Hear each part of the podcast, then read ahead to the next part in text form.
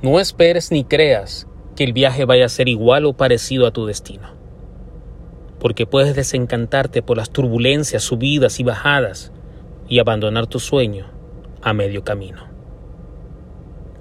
Para llegar a tu destino, si alguno, tu viaje estará lleno de luz, oscuridad, calor y frío. Tu viaje estará cargado de retrasos, pérdidas y cansancio.